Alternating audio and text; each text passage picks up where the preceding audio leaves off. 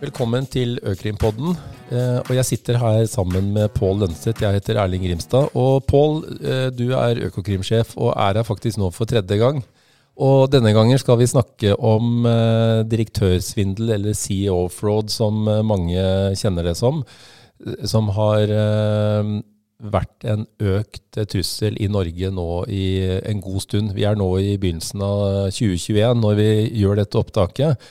Men jeg tror veldig mange av våre lyttere lurer på hva kan virksomheter gjøre for å beskytte seg mot uh, direktørsvindel uh, framover? Mm.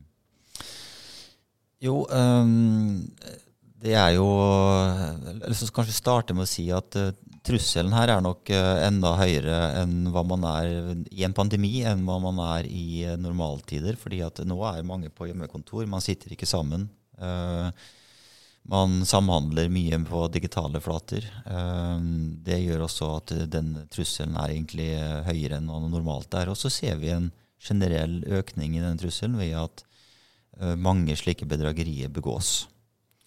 Så en del av den risikoen vi, vi peker på gjennom de, eh, de, produkter vi har levert også ut til offentligheten, bl.a. trusselvurderingen og nasjonal risikovurdering for, for hvitvasking.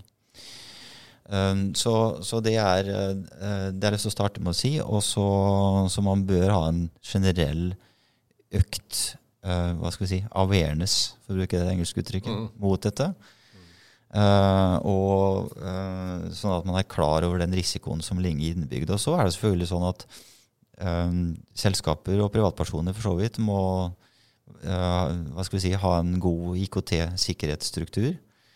Um, men eh, det holder jo ikke med det. Man er nødt til også å være eh, tenke gjennom eh, vanlige standarder, at man ikke skal gi fra seg personopplysninger, konto, kredittkortinformasjon. Man skal bruke ulike passord på jobb og hjemme. Uh, man skal sjekke det, den uh, informasjonen man får fra en, fra en uh, fra, fra en leverandør eksempel, som, ber uh, som ber om penger, og at det faktisk er levert og det er riktig. Uh, uh, ikke stille sin konto til disposisjon for personer man ikke er helt sikker på hvem er og har et forhold til. Og, og, kanskje sant, Hvis noe er for godt til å være sant i form av ting man skal bli bedt om å investere i, så er det ofte det. Det er for godt til å være sant. Um, og så er det veldig viktig, tror jeg, at virksomheter har eh, gode rutiner for fakturabehandling og hvordan man skal betale ut investeringer. Eh, at man ikke eh, Selv om man får beskjed om at dette haster veldig, dette må du betale, at man ikke lar seg stresse og begår rutinebrudd fordi ting haster. At man følger de rutinene uansett, og ikke sitter alene og unngår si, kontrollmekanismen man ellers uh, bruker for, for, utbetalinger. Så hvis man følger de tingene, uh, så tenker jeg at man er uh, kommet langt av gårde. Så er det viktig at f.eks. ikke bare én person kan disponere en konto? da? Definitivt. Det er relativt elementært, men jeg tenker det er også viktig å si det. Altså, man skal ikke sitte alene med store utbetalinger. Det er ikke én person som skal verken beslutte det alene eller, eller ha tilgang til å kunne faktisk utbetale. Eller hvis daglig leder uh, sier til regnskapsmedarbeider at uh, du, du, er den eneste som får vite om dette, men du må utløse en ganske stor utbetaling, og det må skje umiddelbart. Da er det all mulig grunn til å være på vakt. Definitivt. Og det, vi ser jo at store beløp har forsvunnet mer eller mindre på den måten som du nå beskriver. Mm. Uh, og så har det ikke vært direktøren som sier det engang. Mm. Eller for den saks skyld, det kan ha vært en direktør som selv ønsker å ta snarveier, og som ber om det, og så forsvinner pengene. Jeg må jo si at vi, vi, har jo hørt om situasjoner hvor man når man sitter i webmøter, så tror man at man snakker med administrerende direktører i sitt eget firma i webmøter. Eh, og det er faktisk noen som har klart å fordreie stemmen, sånn at stemmen høres ut som den tilhører direktøren. og så er, det en, så er det en svindler isteden. Ja. Vi har også hørt historier om at man faktisk også har klart å manipulere bildet, altså ansiktet til eh, direktøren. Sånn at man har både stemme og en ansiktsgjenkjenning som gjør at ansatte i firmaet tror at man snakker fra hjemmekontoret da, med direktøren. Har man sett sånne typer saker eh, her i Norge også? Ja, altså vi har, vi har også de uh, Vi vet også om de historiene, og vi har snakket med selskaper som har hatt sånne historier. Men, men deepfake er jo en trussel som uh, nok er definitivt økende, fordi man ser teknologi som gjør at den kan brukes på den måten som du nå beskriver. Og som selvfølgelig øker risikoen for virksomheter til å bli bedratt. Mm av sånn type deepfake-type teknologier. da. Og det virker jo som om i mange av disse sakene så har svindlerne gjort en god eh, etterretningsjobb i forkant og vært inne i selskapet lang tid i forveien og funnet akkurat riktig timing-tidspunkt når de skal ringe til noen og si at du, den betalingen for det selskapet vi nettopp kjøpte, det skal skje ikke til den kontoen, men til en annen konto.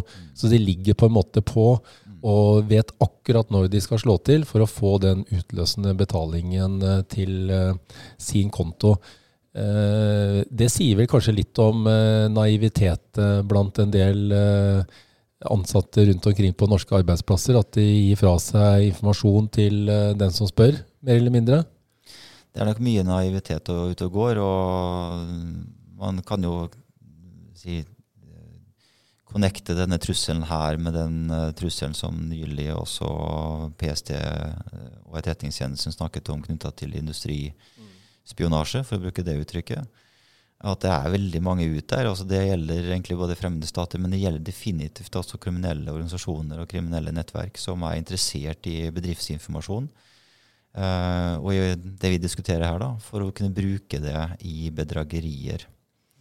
Uh, så her er det behov for at uh, man er på alerten. Uh, og det er behov selvfølgelig for at selskaper og virksomheter har gode IKT-infrastruktur, sikkerhetssystemer, som gjør at man ikke kommer på innsiden og får, får, ut informasjon den veien. Mm. Kjenner du til i Økokrims portefølje, er det noen suksesshistorier i retning av at man har klart å få tilbake de pengene som er utbetalt? Vi hører jo om penger som utbetales til konto i Asia. Pengene flytter fort fra konto til konto, spor blir borte. Falsk ID som kontoinnehavere.